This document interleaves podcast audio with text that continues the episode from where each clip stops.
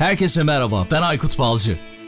Teknoloji, iş dünyası ve dijitalde trendleri konuştuğumuz Dünya Trendleri Podcast serisinin yeni bölümüne hepiniz hoş geldiniz. Yeni bölümden, 84. bölümden herkese merhaba. Uzun yıllar önce, aslında çok da uzun değil belki 20 sene diyebiliriz. İnternette bir şeyler yaratmak gerçekten çok zor ve zahmetliydi. Bilmiyorum bana katılıyor musunuz? Çok küçük bir grup yazılım mühendisi internette bir şeyler inşa etmeyi başardılar. Bu hırslı insanlar, onlar için hırslı diyebiliriz. En basit bir web sitesini bile yayınlamadan önce kodlamayı öğrenmek için belki aylarını, yıllarını harcadılar. Bugün geldiğimiz noktada bilgisayarı ve internet erişimi olan herkes 20 yıl önceki o uygulamalardan çok daha güçlü araçları kullanarak bir web sitesi oluşturabiliyor. Mesela bir mobil uygulama fikrinizi çalışan prototipe dönüştürmek için marvelapp.com'u kullanabilirsiniz. Uygulama tasarımlarınızı kullanıcı akışlarına dönüştürmek için Overflow var. İdeal. Tasarım ve yazılım arasındaki köprüyü oluşturmak için Zeppelin.io sizi bekliyor. Web sitenize gelen ziyaretçilerin davranışlarını ve geçirdikleri süreyi ve ilgilendikleri sayfaları görmek için Hotshar'ı kullanabilirsiniz farklı araçlarla sıfırdan başlamanıza gerek kalmadan fikirlerinizi ortaya çıkartıp web uygulamanızı oluşturup işinizi belki de büyütebileceğiniz, hepsini de tek bir platformdan yapabileceğiniz CodeDo adlı platform var. İşte düşündüğümüz zaman bu araçlar bir fikri insanların kullanabileceği bir şeye dönüştürmek için gereken süreyi ve kodlama uzmanlığını azaltıyor. Artık İnternette bir şeyler inşa etmek için bir programcı olmanıza gerek yok. Farklı geçmişlere ve bakış açılarına sahip herkes bunu gerçekleştirebilir ve böyle de bir dalga geliyor. Bilmiyorum bunu fark ediyor musunuz? İşte bu dalganın adı no code, low code. Günden güne popülerliğini arttıran bir konu. Aslında bölüm içerisinde belki yazılım dünyasına biraz göndermeler yaptık ki bankalarla ilgili bir kısım var mutlaka orayı can kulağıyla takip etmenizi tavsiye ediyorum. Çünkü yayını yaklaşık bir ay önce kaydettiğimiz ve sonrasında yakın zamanda ortaya çıkan bir banka güvenliği ile ilgili durumun olduğunu düşünürsek konuğum sevgili Mustafa'nın yaptığı tespitlerin ne kadar yerinde ve doğru olduğunu bir kez daha anlamanıza yardımcı olacaktır diye düşünüyorum. Bu bölümde konuğum Code2 CEO'su aynı zamanda şirketin kurucularından Mustafa Sakalsız oldu. Benim de son dönemde çok fazla merak ettiğim konulardan biri. Low Code, No Code platformları neden yükselişte? Bunu konuştuk, bunu tartıştık. Umarım beğenirsiniz. Her zaman olduğu gibi yeni bölüme başlamadan önce sosyal medya üzerinden yaptığınız paylaşımlar, yorumlar bizim için çok çok önemli. Onları her zaman bekliyoruz. Bizi daha fazla kişiye ulaştırabilirsiniz. Patreon hesabımız üzerinden de desteklerinizi unutmayın lütfen. Hepsinin linkini ve çok daha fazlasını podcast'in açıklama kısmında bulabilirsiniz. Hazırsanız 84. bölüme başlıyoruz. Mustafa selamlar, hoş geldin Dünya Trendlerine. Merhaba, hoş geldik. Çok teşekkür ederim davet ettiğiniz için. Rica ediyorum. Ben de kırmadığın için, katıldığın için çok çok teşekkür ediyorum. Gerçekten uzun zamandır merak ettiğimiz bir konu. Açıkçası çıkış noktam da şu oldu. Aydın Bozdemir adında bir dinleyicimiz, podcast'i seven dinleyicimiz. Bu konuyu konuşmamız gerektiği hakkında bana bir yazı yolladı. Bir öneri yolladı daha doğrusu. Ve sonrasında da planlamayı yaptık. Uzun zamandır da planlıyoruz. Ve sonunda da buluştuk. Merak ettiğimiz bir konu. Çok yararlı olacağını düşünüyorum. Tekrar çok sağ ol, var ol. Ben teşekkür ederim. Yani evet biraz toplumda aydınlatmış oluruz. Hani bizim de söyleyeceklerimiz var. Özellikle çok dediğin gibi yükselişte olan bir trend. Bununla alakalı işte bunun bir nedenleri var ve şu anda ciddi bir etkisi de var dünyada. Keyifli bir sohbet olacak bence de. Hemen başlamadan önce biraz seni tanıyalım istersen. Mustafa Sakalsız kimdir? Code2'da neler yapıyor? Code2'yu da tanıyalım daha doğrusu. Code2 neler yapıyor? Ben Mustafa Sakalsız. Dediğin gibi aslında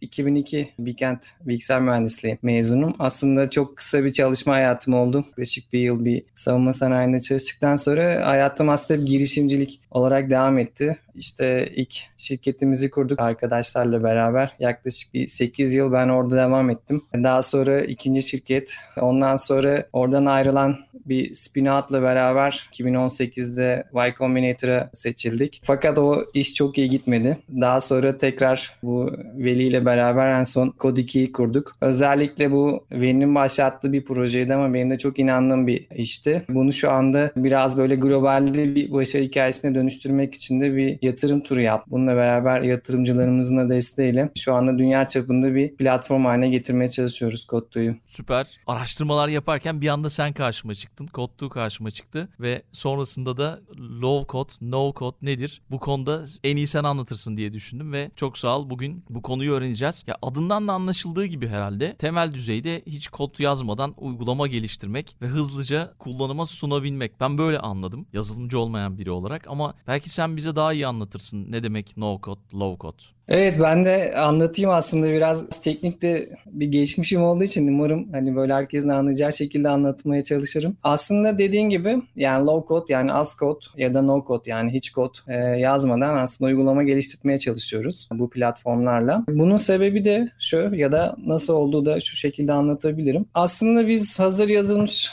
kod bloklarını kullanıcının kullanabileceği bir bloklar haline getiriyoruz. Yani bir Lego gibi. Bunları kullanıcı kodlamayı belki bilmese de bunları aslında birleştirip bir uygulama geliştirebiliyor. Çünkü günümüzde e, uygulama dediğimiz şeyler aslında çok fazla tekrar eden yapılardan oluşmaya başladı. Ve aslında belli kalıplara girmeye başladı. Ve bunu her seferinde en baştan kodlanmasının aslında çok da bir anlamı yok. Yani aslında daha önceden yapılmış yapı taşlarını birleştirerek bu uygulamaları uygulamaları geliştirmek çok daha verimli ve kolay. Ve aynı zamanda da kodlama bilmeyen birçok insanın da uygulama geliştirmesine olanak sağlıyor. Peki aşamada. ya low code platformu nedir, neden yapılır? Belki ondan başlasak, onu anlatsan bize. Sonradan no code'u anlatırız. Evet aslında bir uygulama yaparken normalde geliştirici kodu alır, bunu derler, bir yere yükler, buradan işte yayınlar, insanlar bunu indirir ya da uzaktan kullanır. Ama bir low code ya da no code platformda bunların hepsi tek bir yerde olur. Yani siz o platforma girdiğiniz anda mesela bizim kodlu için aslında bu sadece bir web adresi yani oraya girdiğiniz zaman her şeyi orada yapıyorsunuz. Orada ekranlarınızı yapıyorsunuz, işte akışlarınızı tasarlıyorsunuz. Daha sonra da bir tuşa basıyorsunuz basıyorsunuz ve bu uygulamayı web uygulaması canlı bir şekilde çalışabiliyor. Aynı zamanda bütün bu uygulama geliştirme sürecinde tek bir yerde topladığı için de platform deniyor bunları. Ama WordPress dediğimiz mesela WordPress'ten daha basit bir şey anladığım kadarıyla. Ya aslında evet WordPress biraz daha böyle bazı şeylere odaklı bir yapı. Bir de aslında WordPress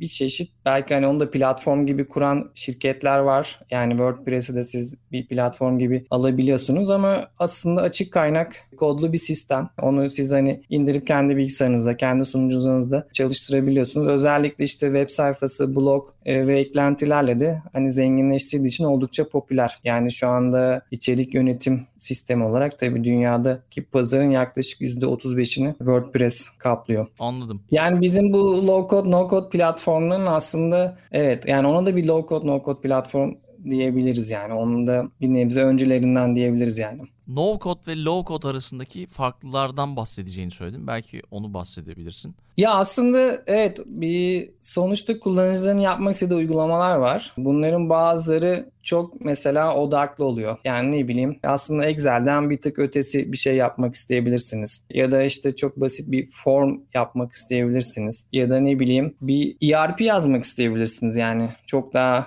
detaylı ya da daha bir gelişmiş farklı uygulamalar da yazmak isteyebilirsiniz. Aslında uygulama geliştirirken çok farklı geniş bir spektrumunuz var. Burada şöyle bir fark var. Yani low code'larda aslında size bu uygulama geliştirmeyi biraz hızlandırıyor ama siz bazı yerlerde sizin kod yazmanıza izin veriyor ya da kod yazmanızı gerektiriyor. Çünkü kodlama yine nereden bakarsanız bakın gelişmiş ve esnek bir şey yapmak istiyorsanız hala elinizdeki en iyi araç o. Fakat bazı yerlerde de kod yazmaya gerçekten hiç gerekmeyecek kadar basit uygulamalar yapıyorsunuz. Burada da aslında tool'lar size bayağı geniş olanaklar sunabiliyor. Yani ikisini iki ayrı uç olarak değerlendirdiğimizde low code'larla tabii ki daha gelişmiş uygulamalar yapılabiliyor. Çünkü kod yazabiliyorsunuz ama no code'larda giderek gelişiyor. Bu sırada low code'larda aslında kullanıcının fazla kod yazmadan gelişmiş uygulama yapmasını sağlamaya çalışıyor. Yani giderek bu iki alan birbirine yaklaşıyor. Yani low code'lar no code'a yaklaşmaya çalışıyor. No code'lar low code'a yaklaşmaya çalışıyor. Böyle bir alanda fark var ama genel olarak şey diyebiliriz. E, hani kod da yazabildiniz ya da yazma yazmanız gereken platformlar low code diye adlandırılıyor. Hiç yazmaya ihtiyacı olmayan tool'lar da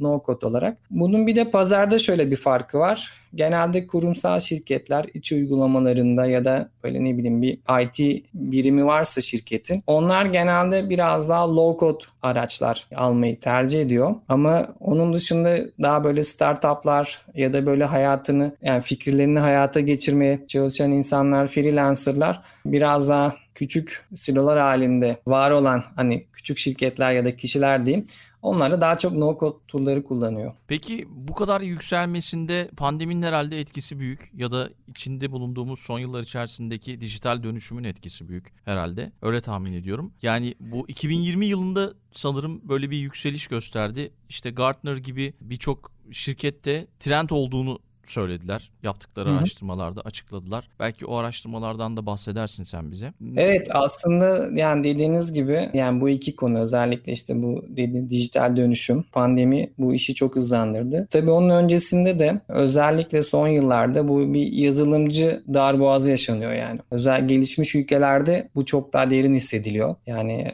Avrupa pazarında ya da işte Amerika pazarında. Bunu da şöyle anlatayım ben size. Ya ben mesela hani e, ilk mezun olduğumda benim bütün sınıf arkadaşlarımın hemen hemen çoğunun hayali kurumsal bir şirkette yazılımcı olmaktı. Ama şimdi yeni mezunlara baktığımızda hepsi ya bir startupta çalışmak istiyor ya da bir startup kurmak istiyor ya da böyle büyük teknoloji şirketlerinde çalışmak istiyor. Dolayısıyla büyük şirketler eskiden yazılım ekipleri vardı. Artık oralarda mesela yazılımcı bulmakta onlar çok zorlanıyor. Şu an dev teknoloji şirketleri hani birçoğu bir trilyon doların üzerinde değerlemesi oldu bu dev teknoloji şirketleri ve onların da yazılımcıya olan ihtiyacı azalmadı. Daha da arttı ve onlar bütün sektörü aslında ve hatta işin de kaymak tarafını alıyor. Ama aynı zamanda şirketlerin yazılıma olan ihtiyacı da arttı. Yani daha hı hı sonuçta daha çok dijitalleşen dünyada bu şirketlerde daha çok hem iç süreçleri olsun hem müşteriyle buluştukları alanlar olsun. Buradaki her şeyi yazılıma kaydırmaya başladı ve dolayısıyla buradaki ihtiyaç da arttı ve bu ihtiyaç nasıl kapanıyor? Yani bunu kapatabilmek için ya daha çok yazılımcı olacak fakat bu şu anda mümkün değil. Çünkü artık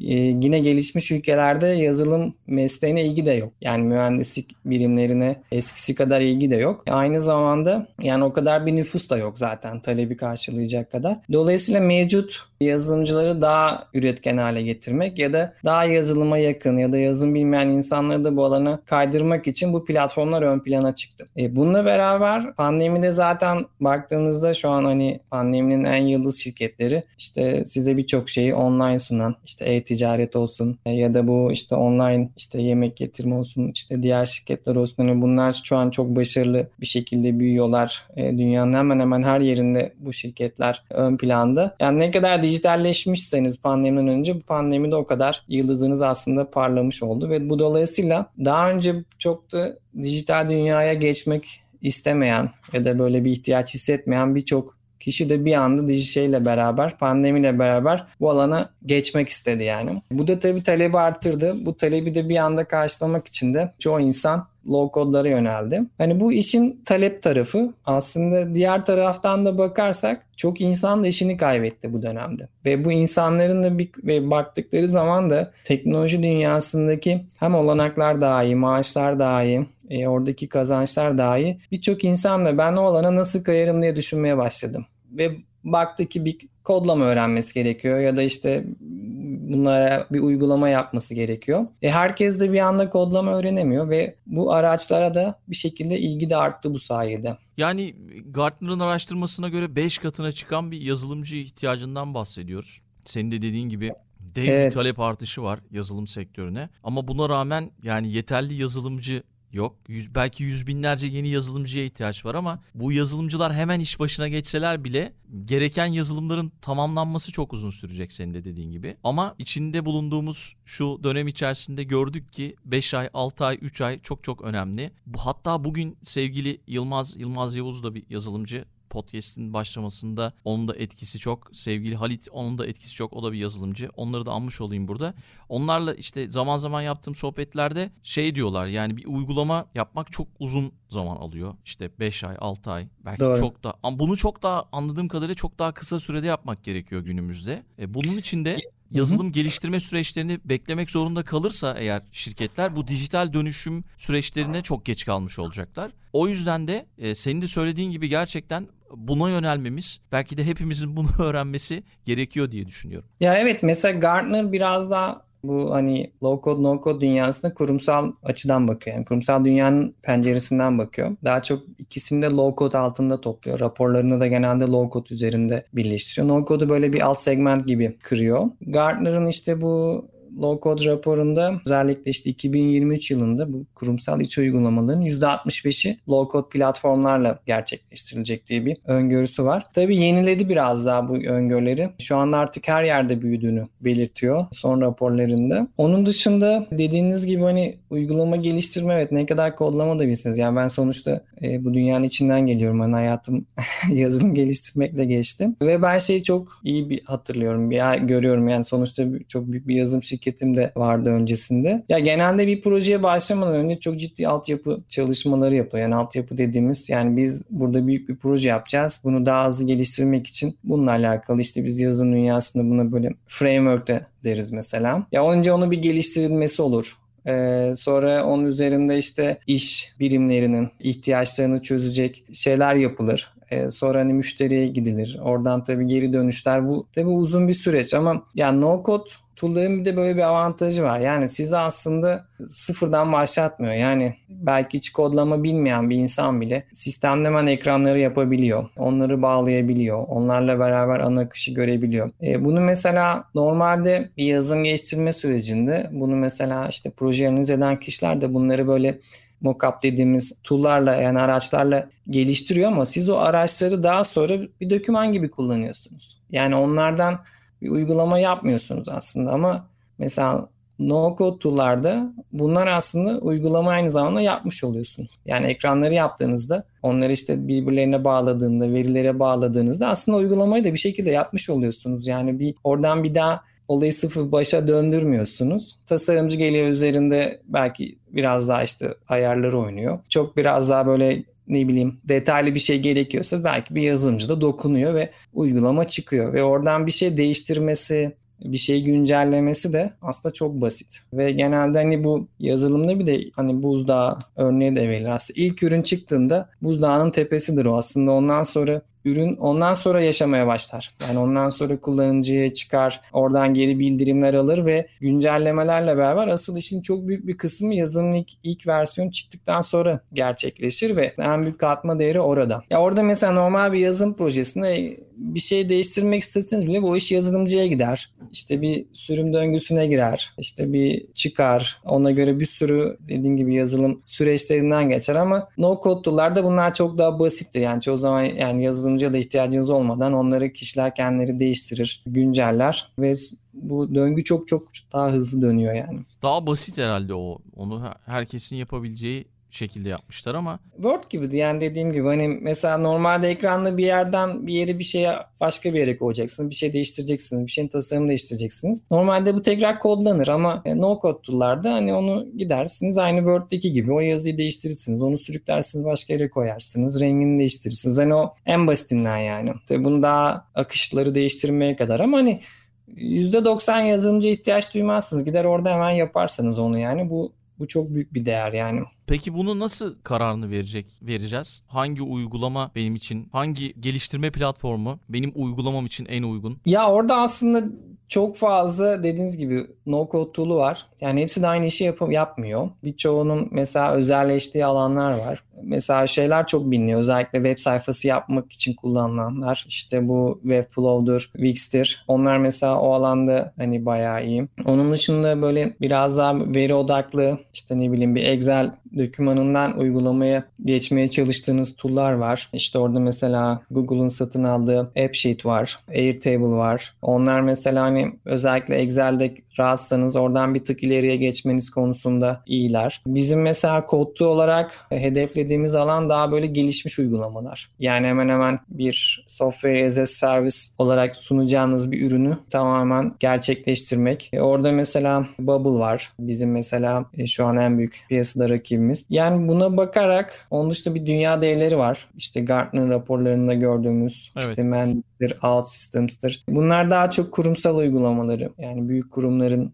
IT birimlerini daha çok hedefleyen uygulamalar. Biz daha çok hani startupları, işte freelancerları ve ürününü yapmak isteyen, bunu bir işte SaaS dediğimiz gibi hani SaaS olarak piyasaya sürmek isteyen insanlara hitap ediyoruz mesela. O yüzden şey bizde çok Mesela görsellik olarak hemen hemen her şey yapabildiğiniz araçlar var bizde. Gelişmiş akışları tasarlayabiliyorsunuz. No code platform olarak konumlandırıyoruz ama istediğiniz yerde de entegrasyonlar olsun, diğer kısımlar olsun. Kod yazma kapısı da açık yani. O zaman hem biraz sizin yaptıklarınızdan da bahsedelim tabii ki. Başta çok fazla bahsetmedik. Biraz böyle avantajlarından, risklerinden bahsetmiş olduk. Yani Hı-hı. minimum kodlama çabası gerektiriyor diyebiliriz. İşte minimum teknik uzmanlık gerektiriyor diyebiliriz. Onun dışında uygulama oluşturma verimliliği ortaya çıkmış oluyor. Çünkü kısa sürede e, uygulamayı bir araya getirebiliyorsun. Daha hızlı bir değer elde etme şansın oluyor. Ya evet yani önemli olan zaten hani kafanızdaki ya da işte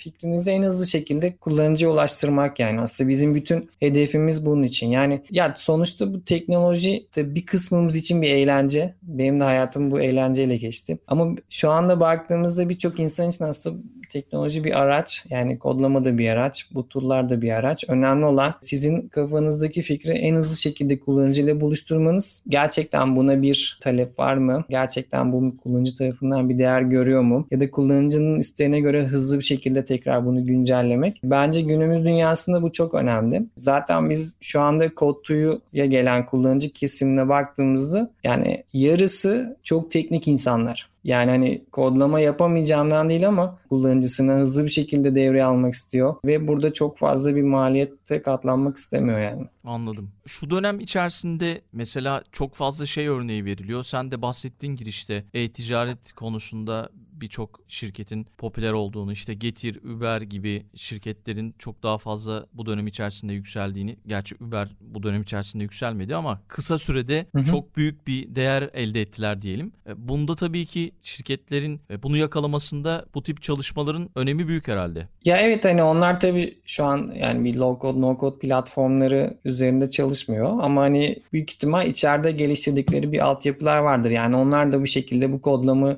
ya da işte bu ürün döngüsünü hızlandıracak bir çalışmaları mutlaka yapıyorlardır yani ama tabii onlar şu anda kaynakları çok büyük şirketler. Yani onlar hani birçok şeyi finanse edebiliyor, yapabiliyor. Hani çok onları kıstas almakta doğru değil. Onların başarılarını tabii ki hani şey yapabiliriz ama hani geliştiriciye ulaşma imkanı olsun ya da işte büyük yazılım ekiplerini idame edebilme kabiliyetleri açısından şey diyebiliriz ama onların da genelde içeride kullandıkları çok fazla low code no code tool'ları var. Yani onlar da artık bir kurumsal şirket gibi oldukları için biz daha çok öyle büyük şirketlerde bu tür araçları bizim hani internal tool dediğimiz araçlar olarak kullanıldığını çok çok görüyoruz. Yani çünkü ürüne o kadar odaklılar ki ama kendi işlerine de akan bir süreç var. Yani sonuçta binlerce kişi çalışıyor. Onların sadece yönetimi içerideki ihtiyaçları bile ayrı yazılımlar gerektiriyor. Onları mesela oturup şey yapmıyorlar yani. Onlar için genelde bu yine low code no code tool'ları çok çok kullanılıyor. Yani hızlı hareket etmeleri gerekiyor dedik ya hani o açıdan aklıma geldi. Öyle bir soru sorayım dedim. Eh, yok aslında şöyle bir şey var. Şimdi bu low code no code tool'ları dönem dönem farklı şekilde kullanılıyordu. Yani eskiden aslında bu tool'lar çok eskiden de vardı. Yani belki Delphi'yi de biz bir low code tool gibi konumlayabiliriz yani. Ama zaman ilerledikçe bu tool'lar çok gelişti yani ve şu anda aslında geldiğimiz noktada biraz bu ilginin artmasının sebebinin bir açısı da bu. Yani bu tool'lar çok gelişti artık. Yani bayağı size büyük imkanlar sunabiliyor. Daha önceden yapılamayan şeylerin yapılabilmesini sağlıyor. Dolayısıyla belki bundan sonra hani biz belki Uber'i göremedik ama bundan sonra no code tool'larla geliştirmiş büyük startuplar bence görmeye başlayacağız. Büyük startuplar deyince siz Code2'da ne gibi çözümler sunuyorsunuz? Belki bundan bahsedelim biraz daha ayrıntılı. Açıkçası merak ediyorum yani. Ya biz aslında tabii Code2'da bizim no code platformumuz var. Yani biz sadece sadece onu sunuyoruz. Onunla beraber şimdi şablon uygulamalar gelecek. Daha çok çünkü biz şöyle bir şey de görüyoruz kullanıcılardan. Evet no code tool'larla hızlı bir şekilde uygulama geliştirmek istiyorlar. Her ne kadar uygulama geliştirme hızlı da olsa sıfırdan da başlamak istemiyorlar. Artık onun da bile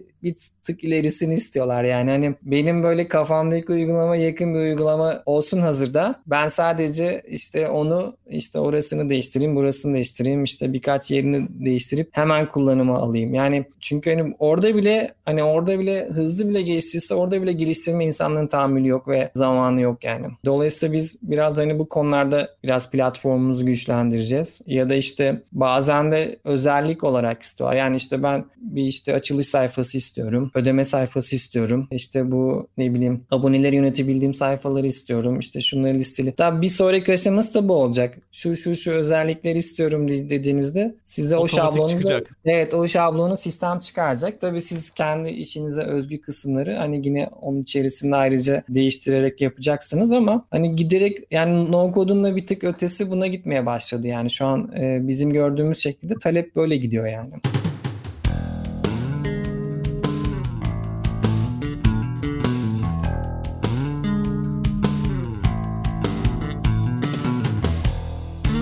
Geçenlerde benzer şekilde bir podcast web sitesi için böyle bir platform gördüm. Sadece RSS kodunu giriyorsunuz podcast'in. Yani podcast'i de orada barındırmıyorsunuz. Başka bir yerde barındırıyorsunuz. Otomatik web sitesini karşınıza çıkartıyor. Ücretsiz bu. Ama sonra işte o istekler kısmı var. İşte diğer bir alternatif abonelik sistemini seçerseniz oradaki isteklerden birini seçebiliyorsunuz. Üçüncü aşamada daha böyle ileri seviye bir aşamada farklı istekler çıkıyor. İşte abonelik sistemi, işte onun dışında insanlar yorum yapabiliyor, blog oluşturabiliyorsunuz. Böyle inanılmaz pratik. Böyle 5 dakikada 10 dakikada hadi abarttım şimdi 5-10 dakika değil de yani 1 saatte 2 saatte Evet. yapabileceğiniz bir platform yapmışlar. Yani şeye göre hani WordPress'ten şöyle örnek verdim kendim onu bildiğim için. WordPress'e göre çok daha pratik. Benim de yapabileceğim öyle söyleyeyim. Yani Hı hı. işte WordPress'te bazen kodlar gerekiyor. Low code diyelim herhalde WordPress için belki. Bunlar böyle no code bir şey yapmışlar. Hani o istekleri de kafamızdaki istekleri de yerine getirebildiğimiz bir web sitesi. Podcage'ti yanlış hatırlamıyorsam ismi. Bakarım koyarım podcast'ın açıklama kısmına. Dediğin gibi yani ama her şey standart olursa böyle bu bir şey değil mi? Handikap değil mi? Yok her şey standart olmuyor. Yani aslında şeyle beraber o tool'lar da gelişiyor. Yani farklılaştırabileceğiniz çok alan var. Ya bir de daha çok ya bu işin dediğim gibi araç tarafı yani sonuçta orijinal olan sizin fikriniz, iş modeliniz ya da işte müşteriyle olan etkileşiminiz. Yani orijinali yani bir şey orijinal yapan artık o. Yani teknoloji biraz belki orada standartlaşmaya başladı. Yani onun dışında yani şu an mesela e-ticaret sitelerinin hepsi birbirine benzemiyor mu? Ee, Evet, ama doğru. sizin yani ama siz gidip hani ben tabii çok o kadar bilmiyorum ama hani mesela ayakkabı istiyorsanız büyük ihtimal ayakkabı için özel bir site vardır yani. Orada özelleşmiştir, orada farklılaşmıştır. Yani biraz aslında farklılaşma orada oluyor. Çoğu zaman Evet. temel şeylere bakıyoruz artık. Öyle işte tasarımına ne bileyim şeyine Hı bakmıyoruz yani. Temel hızlı alabiliyor muyuz? Evet Kol- hızlı kolay- iade edebiliyor muyum? Müşteri işte mesela Amazon'un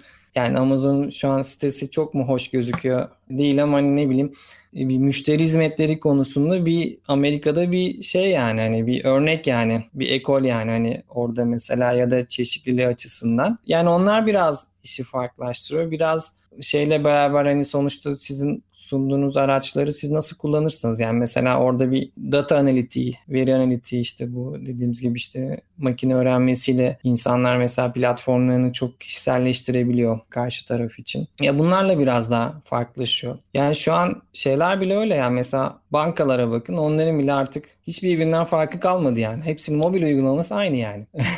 Evet. Biraz tasarımı değişiyor ama hani hiç, hiçbir şekilde farklılaşamıyorlar artık yani. Çünkü bayağı o kısım çok satürize oldu yani artık orada başka teknoloji dışındaki yerlerde iş yani insanlar farklılaşmaya çalışıyor artık yani. A- Almanya'da öyle değil ya. Ben takmış durumdayım Almanya'daki bankaların internet şubelerine. Yani ya da şöyle şöyle bir şey var. Geçenlerde onu da duydum. Zaman zaman hep podcast'te böyle eleştirdim biraz Almanya'daki bankaların internet şubelerini ama belli özellikleri belli kişilere veriyorlarmış. Yani sen o özelliği satın alırsan sana veriyormuş. Mesela normal şartlarda her banka için böyle geçerli değildir tabii de bizim internet şubesinden yapamadığımız bir şey kalmadı yani artık. En son şey bile çıktı, yasa bile çıktı galiba. Yüz yüze hesap açabiliyoruz bankaya gitmeden, imza olmadan falan. Evet. Ama Almanya'daki internet şubelerini görmeni isterim yani. Bir gün ekran görüntülerini atayım sana. Bana böyle çok bizim 2000'lerde kullandıklarımız gibi geliyor. Belki ama işte o ben o özelliği seçmediğim için olabilir. Ama dediğin gibi benzer hepsi yani. Türkiye'dekilerin. Her şeyi yapabiliyoruz artık. Ya işte o da biraz şeyle yani oradaki bankalarında yazılım ekipleri yok yani. Hani biraz orada artık yazılımcılar çalışmıyor yani. Tabii ki hani belli oturmuş sistemler var. Her şey onun üstünden gidiyor ama Türkiye şanslıydı bu konuda yani. Ama ben mesela bankacılık sektöründe çalıştığım için oradaki durumu da görüyorum. Yani oradaki şey de değişmeye başladı. Yani artık bankaların dev IT birimleri mesela çok fazla dışarı iş vermeye başladı. Artık içeride geliştiren uygulamalar biraz daha hani onlar da zorlanmaya başladı yazılımcı bulma konusunda. Yani o işte bizim eskiden zamanımızda mesela mezun olunca işte girmek istediğimiz şirketler, bankalar, operatörler, savunma sanayi şirketleriyken şimdi onlar tamamen değişti. Yani hani bunun etkisini bilmiyorum belki Türkiye'de görürüz ama hani tabii illa bir çözüm bulacaklardır. Hani belki onların da sonuçta bayağı bir imkanları var yani Türkiye'de bankalar. Ama şeyde genelde biraz işte bu ekibiniz, yazım ekibiniz ne kadar iyi, ne kadar hızlı cevap veriyor, ne kadar yetenekli sistemleriniz de o kadar şey oluyor. Biraz da tabii şey de var hani oradaki belki bankacılığın para kazanma iş modelinde mobil uygulamanın çok fazla bir önemi olmayabilir. Oradaki finans sistemi biraz farklı da işliyor olabilir yani. Peki şey mesela departmanlar içerisinde low code, no code kullanarak yazılımcıya gereksinim duymadan bir geliştirme de yapılabilecek, yapılabiliyordur herhalde. Öyle tahmin ediyorum. Onun teknik bir adı da var yani işte onu Citizen Developer diyorlarmış buna. Ee, yazılımcı ha, olmadığı o var, halde. De Shadow IT diyorlar işte ona. Ha, Shadow yani, IT. Güzelmiş evet, o da. Yani işte şimdi bizim tabii değişik başka projelerimiz de olduğu zaman mesela ne zaman böyle kurumsal bir yere gittiğimizde bir sistem satacaksanız, götürecekseniz genelde işin içine IT girecekse insanlar böyle almak istemiyordu yani sistemi. Yani siz onlara ne kadar IT'ye ihtiyaç olmadan onu oraya kurabileceğini, kullandırtabileceğini isteseniz o kadar e, çabuk karar veriyorlar. Bu da tabii şey yani IT o kadar yoğun ki kurumsal yerlerde yani özellikle son yıllarla beraber yani her şey ne iş yapmak istesiniz artık IT'nin elinden geçiyor yani. Çünkü her şey artık teknolojiyle yapıldığı için IT birimleri de o iş yükü altında tabii ki çok zorlanıyor yani. Dolayısıyla oradan geçecek bir süreç ister istemez insanların işini yavaşlatıyor yani. Hani IT kötü olduğundan değil ama hani Orada yoğunluk çok fazla ve artık oradaki insanlar da bu taleplere yetişemiyor. Dolayısıyla direkt hani o zaman bize bir araç verin. Biz hani size gelmeden işimizi halledelim. Ee, burada işte bunları yapalım ve özellikle işte bu dediğiniz gibi Excel vari şeyler orada çok iyi iş yapıyor. İşte bu Smart Sheet, Upsheet, Airtable. Gerçi onların hepsi bizim hani onlar bulutta çalışan bir kısımları belki her şirket kullanmıyor ama özellikle hani bulutla alakalı bir kriter olmayan yani mesela hani bankalar biraz zor oluyor onlar için ama onların mutlaka kendi veri merkezlerinde kurulu olması gerekiyor bu sistemlerin. Ama bu, bu tarz e, ürünler artık oldukça fazla kurumların içinde yaygınlaşmaya başladı. IT'ye ihtiyaç duymadan kendi ihtiyaçlarını çözebilmeye e, başlıyorlar yani. yani Onlar dediğiniz gibi Citizen Developer deniyor yani oradaki arkadaşları. IT departmanına ya da harici yazılım kaynaklarına ihtiyaç duymadan uygulama geliştirip kullanıma açabilecek çalışanlar. Bir de tabii evet. senin de söylediğin gibi bu dönüşümden en büyük rahatlamayı da kısıtlı süre baskısı altında kalan IT departmanları yaşayacaklar. Çünkü dediğin gibi her şeyi yapıyorlar artık. Her şeyi yaptıkları için rahatlamış olacaklar. Buradan şuna geleceğim aslında. Şimdi no code, low code kavramlarının hayatımıza girişiyle yazılım geliştirici yanında işte az önce bahsettiğimiz gibi yeni kavramlar da hayatımıza girdi. Sen Shadow IT, IT dedin değil mi? Evet. Shadow IT. Evet. Onun dışında işte ben Citizen Developer dedim. Belki bunlardan biraz daha bahsedebiliriz. Yani bu kavramlar hayatımıza girdi. Yani önümüzdeki yıllar içerisinde hiç yazılımcı olacak mı olmayacak mı gelecekte herkes tabii zaman zaman görüyorum böyle bloklarda. Gelecekte yazılımcılar işsiz mi kalacak gibi böyle şeyler görüyoruz. Ne düşünüyorsun bu konu hakkında? Ya yok kesinlikle hani işsiz kalmayacaklar yani daha çok ihtiyaç e, ihtiyaç artıyor yani. Ya aslında şey daha hızlı artıyor. Yani şu an yazılımı olan talep daha hızlı arttığı için bir şekilde bu birbirlerini yapması lazım yani bu yazılımı. Dolayısıyla yazılımcılar yapamayacaksa yani biraz daha böyle hani e, nasıl diyeyim yazılımcı derken hani belki hani yanlış anlaşılmasın ama hani herkes bana göre yazılımcı yani bir açıdan bakınca. Ya yani biraz daha böyle hani daha işte derin şekilde bu işle uğraşan, işte kodlama yapan insanlar. Ya onların yapacağı işler farklı. Yani onlar mesela hani sonuçta biz bu platformu geliştirirken e, kodluyoruz sonuçta yani. E, yani orada kodlama yapıyoruz, bu tarz araçlar üretiyoruz.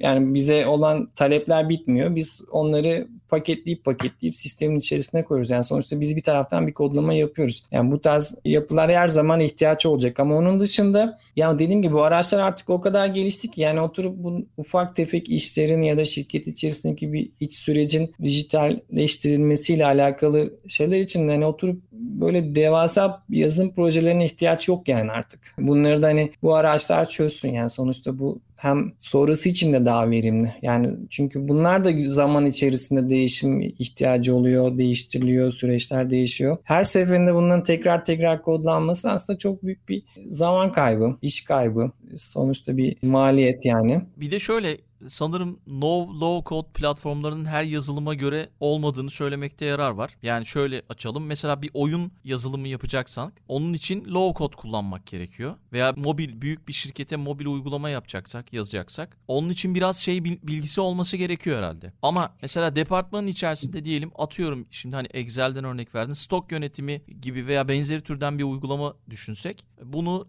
no code'la belki yapabilir. Hani o departman içerisindeki kişi.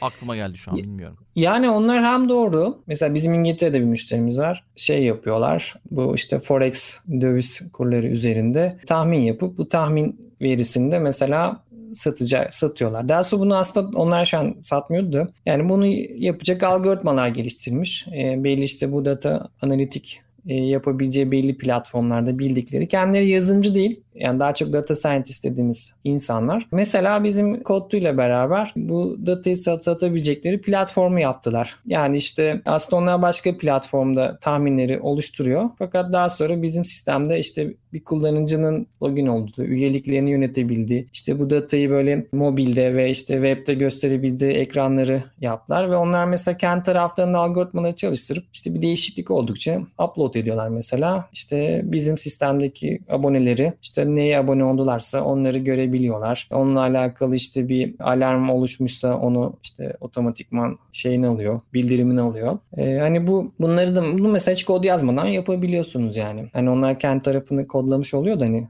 algoritma tarafını. Ama diğer her şey işte abonelik yönetimi, ödeme alma, işte ne bileyim kullanıcı yönetimi, ekranların yapılması, o datanın orada otomatik oluşması, mail atılması hani bunları şey yapabiliyorsunuz. Kodlamadan yapabiliyorsunuz. Ne bileyim onun dışında şimdi uzaktan staj programı yapan bir şirket var mesela New York'ta. Onlar da tüm ürününü bunun üstünde şimdi mesela geliştiriyor. Kanada'da mesela uzaktan göçmen... staj ilginçmiş ya gerçekten. Evet şimdi çok popüler yani yani sonuçta onlar şey diyor 10 tane stajyer alacağınıza 100 tane uzaktan stajyer alın. Vay harikaymış ya. Bu konuyu da işleyelim ya. Not alayım hemen ben bunu. Enteresan. Evet, yani hani onlar yapıyor. İşte Kanada'da göç hukukla alakalı mesela göçmenlikle alakalı iş yapan bir müşteri var mesela. Onlar bütün platformlarını yapıyor. Amerika'da bizim müşterimiz var. Onlar mesela sonra yatırımcımız da oldu. Sağlık sektöründe mesela evde sağlık hizmetleri veriyor. Onlar hem iç hem müşterilerin kullandığı bütün uygulamalarını geliştiriyor. Yani mesela ne kadar kod yazıyor diyorsunuz hani çok spesifik bir şey yoksa yani çok karışık bir akışı yoksa genelde yapılıyor. Orada da hani bir yazılımcı girip ufak bir dokunuş yapıyor. Orayı atlıyorsunuz. Yani hani genelde çok hızlı bir şekilde. Orada hani mesela en büyük onların katma değeri şu. Yani biz mesela en çok neyi seviyorsunuz dediğimizde mesela Kodtu'da şeyi seviyorlar. Şunu seviyoruz dedi. Yani müşteri bizi arıyor dedi daha telefonu kapamadan isteğini yapmış oluyoruz diyor. Yani telefondayken Vay, isteğini alıp e, değişikleri yapıp canlıya da geçirebiliyorlar yani. Ya tabii hani canlıya geçirme biraz sizin iç süreçlerinizle alakalı. Bazen hemen geçirmek istemeyebilirsiniz. Biraz test etmek isteyebilirsiniz ama e, yani onların sonuçta platform buna izin veriyor yani hani Kod, hızlı bir şekilde yap. Code 2'da Mustafa yerli mühendislerimiz mi çalışıyor hep? Evet tamamen. Harika vallahi harika süper.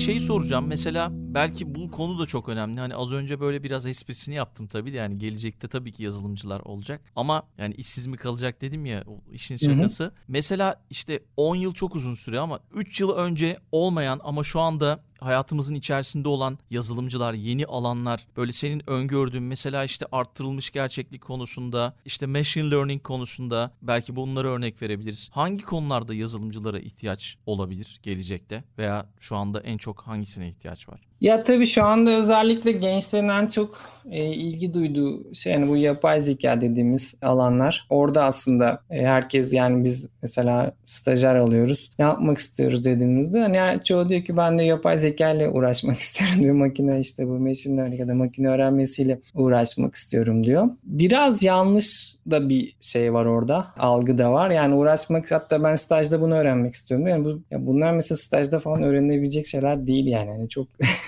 derin matematik isteyen, modelleme isteyen, işte istatistiksel tarafları var. Onları isteyen konular. Tabii burada yazılımcılar tabii ki hani rol alacak ama hani daha çok bu alanda ciddi bir gelişme bekleniyor. Özellikle işte bu otonom sürüş dediğimiz alanda işte savunma sanayide yine bizim mesela gördüğümüz birçok alanda işler buraya kayıyor ama burada da aslında insan şey olarak tam bir yapay zeka değil yani aslında hiçbir zaman bu konuştuğumuz şeyler. Daha çok böyle rutin yapılan şeyler. Bu yöntemlerle aslında tabii bilgisayara öğretilip daha hızlı bir şekilde, kolay bir şekilde yaptırılıyor yani. Daha çok veri aynı anda işleyebildiği için, daha çok ilişki kurabildiği için burada aslında daha iyi bir tahminleme yapabiliyor ama her zaman aslında siz kurduğunuz modelin ötesinde bir şey de yapma şansı yok yani bu sistemlerin. Bu arada tabii bu artırılmış gerçeklik olsun, diğer şeyler de tabii hepsi bu yapay zekadaki bu gelişmeye çok bağlı. Burada daha çok özellikle son yıllarda gelişen işlemcilerin çok büyük katkısı var yani. Eskiden bu kadar yoğun veri işlemek mümkün olmuyordu. Bununla alakalı hem teknolojiler gelişti hem altyapılar gelişti. İşte bulutta mesela yoğun bir şekilde veri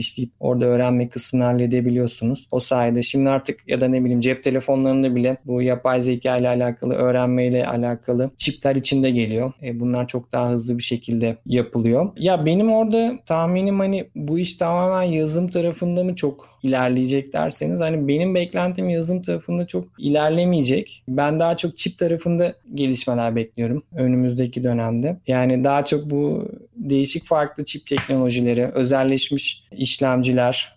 Çünkü bu hem robot tarafı geliş, robotla beraber otonom sürüşle beraber diğer işte bu yapay zeka ile beraber bunların daha özelleşmiş çipleri orada ciddi bence bir fark yaratacak önümüzdeki dönemde. Yani tabii yazın her zaman eşlik eder bunlara ama çok böyle breakthrough bir şey beklemem. Özellikle şu anda e, yazılım dediğimiz şey işlemcilerin şeyinde biraz tıkandı yani. Tabii ki hani matematik olarak gelişiyor ama konsept olarak paradigma olarak değişmedi. Yani özellikle oradaki çip teknolojisinin değişmesi lazım. Yazılım paradigmasının değişmesi için. Yani önümüzdeki dönemde belki hani kodlama olmasa da kodlamayla alakalı konseptleri bence hani insanların mümkün olduğunca bir göz gezdirmesi iyi olur. Yani bunlarla acaba neyi kastediyorum? Yani mesela siz bir uygulama geliştirmek istediğinizde yani bir veri nasıl kaydedilmeli? İşte ya da bir veri ekranda nasıl görünür? Ya da işte bu sistemler arası bağlantılar, entegrasyon ne demektir? Yani bunları derinlemesi bilmiyorum ama bunlarınızdan böyle bir konsept olarak öğrenirlerse mesela insanlar. Çünkü gerçekten herkesin kendi işini kendi yapacağı bir döneme doğru da gidiyoruz. Çünkü bu özellikle teknoloji dünyasındaki emek çok pahalı olmaya başladı yani. Ve dolayısıyla insanlar burada kendi işlerini kendi halletmeye başlayacak. Dolayısıyla herkesin bu işin bir tarafından girmesi bence faydalı olur. Bu biraz şey gibi oldu yani hani artık her Bauhaus'tan evinizdeki işi yapmaya başlıyorsunuz. Tam, tam yani. şimdi o örneği verecektim. Ya Almanya'da burada herkes kendi işini kendisi yapıyor. Biz biraz daha Türkiye'de rahatız biliyorsun bu konularda. Yani evet. te- tesisat çağırırız işte ne bileyim yere parke döşenecek birisine döşetiriz. Boyamızı kendimiz yapmayız. Burada herkes kendi yapıyor. Dijital dünyada da böyle olacağız anladığım kadarıyla. Ya evet biz aslında bir şekilde onların için bir Bauhaus yapıyoruz yani. Orada herkes kendi işini kendi yapabileceği ya da işte bir sürü araç var dikeyde. Bunlarla beraber artık insanlar hani şey bitecek yani daha çok. Bu Shadow IT büyüyecek yani şey açısından. Evet evet. Bir de zaten şöyle her şeye artık bilgiye ulaşabildiğimiz için yani bir şey yapmak isteyin yeter ki. Gerçekten açık kaynaklar da çok fazla var. Doğru. Yapılabilir yani bence. Yeter ki kafaya koyalım. Belki bir kitap önerisi yapabilirsin bize. Sonra veda ederiz kapatırız. Son zamanlarda okuduğum bir şeyler var mı? Ya aslında daha çok biraz bu startup'la alakalı çok kitap okuyorum. Onunla alakalı okuduğum zaman da çok fazla şey görüyorum yani. Yani neden bu işi yapıyoruz? Ya da işte bu startup yaparken ekibi nasıl motive edeceğiz, nasıl yöneteceğiz? Bu hani çok belki bilinen bir kitap ama bu Simon Sinek'in Start With Why diye bir kitabı var. Yani ben o kitabı okuyarak başlamıştım. Çok kitap okuyup ona çok referans görünce O kitabı da okudum. Ya bence gerçekten birçok noktada e, oradan başlamak gerekiyor. Onu önerebilirim o açıdan birinci sırada. Tamam süper. Onu da koyduk kütüphanemize. Aşağıda linki de bırakacağım. Aşağıda değil tabii. Hani podcast'ın açıklama kısmında bırakacağım. Oradan herkes bulabilir. O zaman bölümü kapatıyoruz. Çok çok teşekkürler. Ben teşekkür ederim. Dünya Trendleri Podcast serisinin bu bölümünün sonuna geldik. www.dünyatrendleri.com Twitter'da @dünyatrendleri, Instagram'da dünya.trendleri adreslerinden Dünya Trendleri Podcast'i takip edebilirsiniz. Unutmayın önerileriniz ve merak ettikleriniz içinse info gmail.com adresinden mail atabilirsiniz. Bu bölümü dinlediğiniz için çok teşekkürler. Yeni bölümde tekrar buluşmak üzere.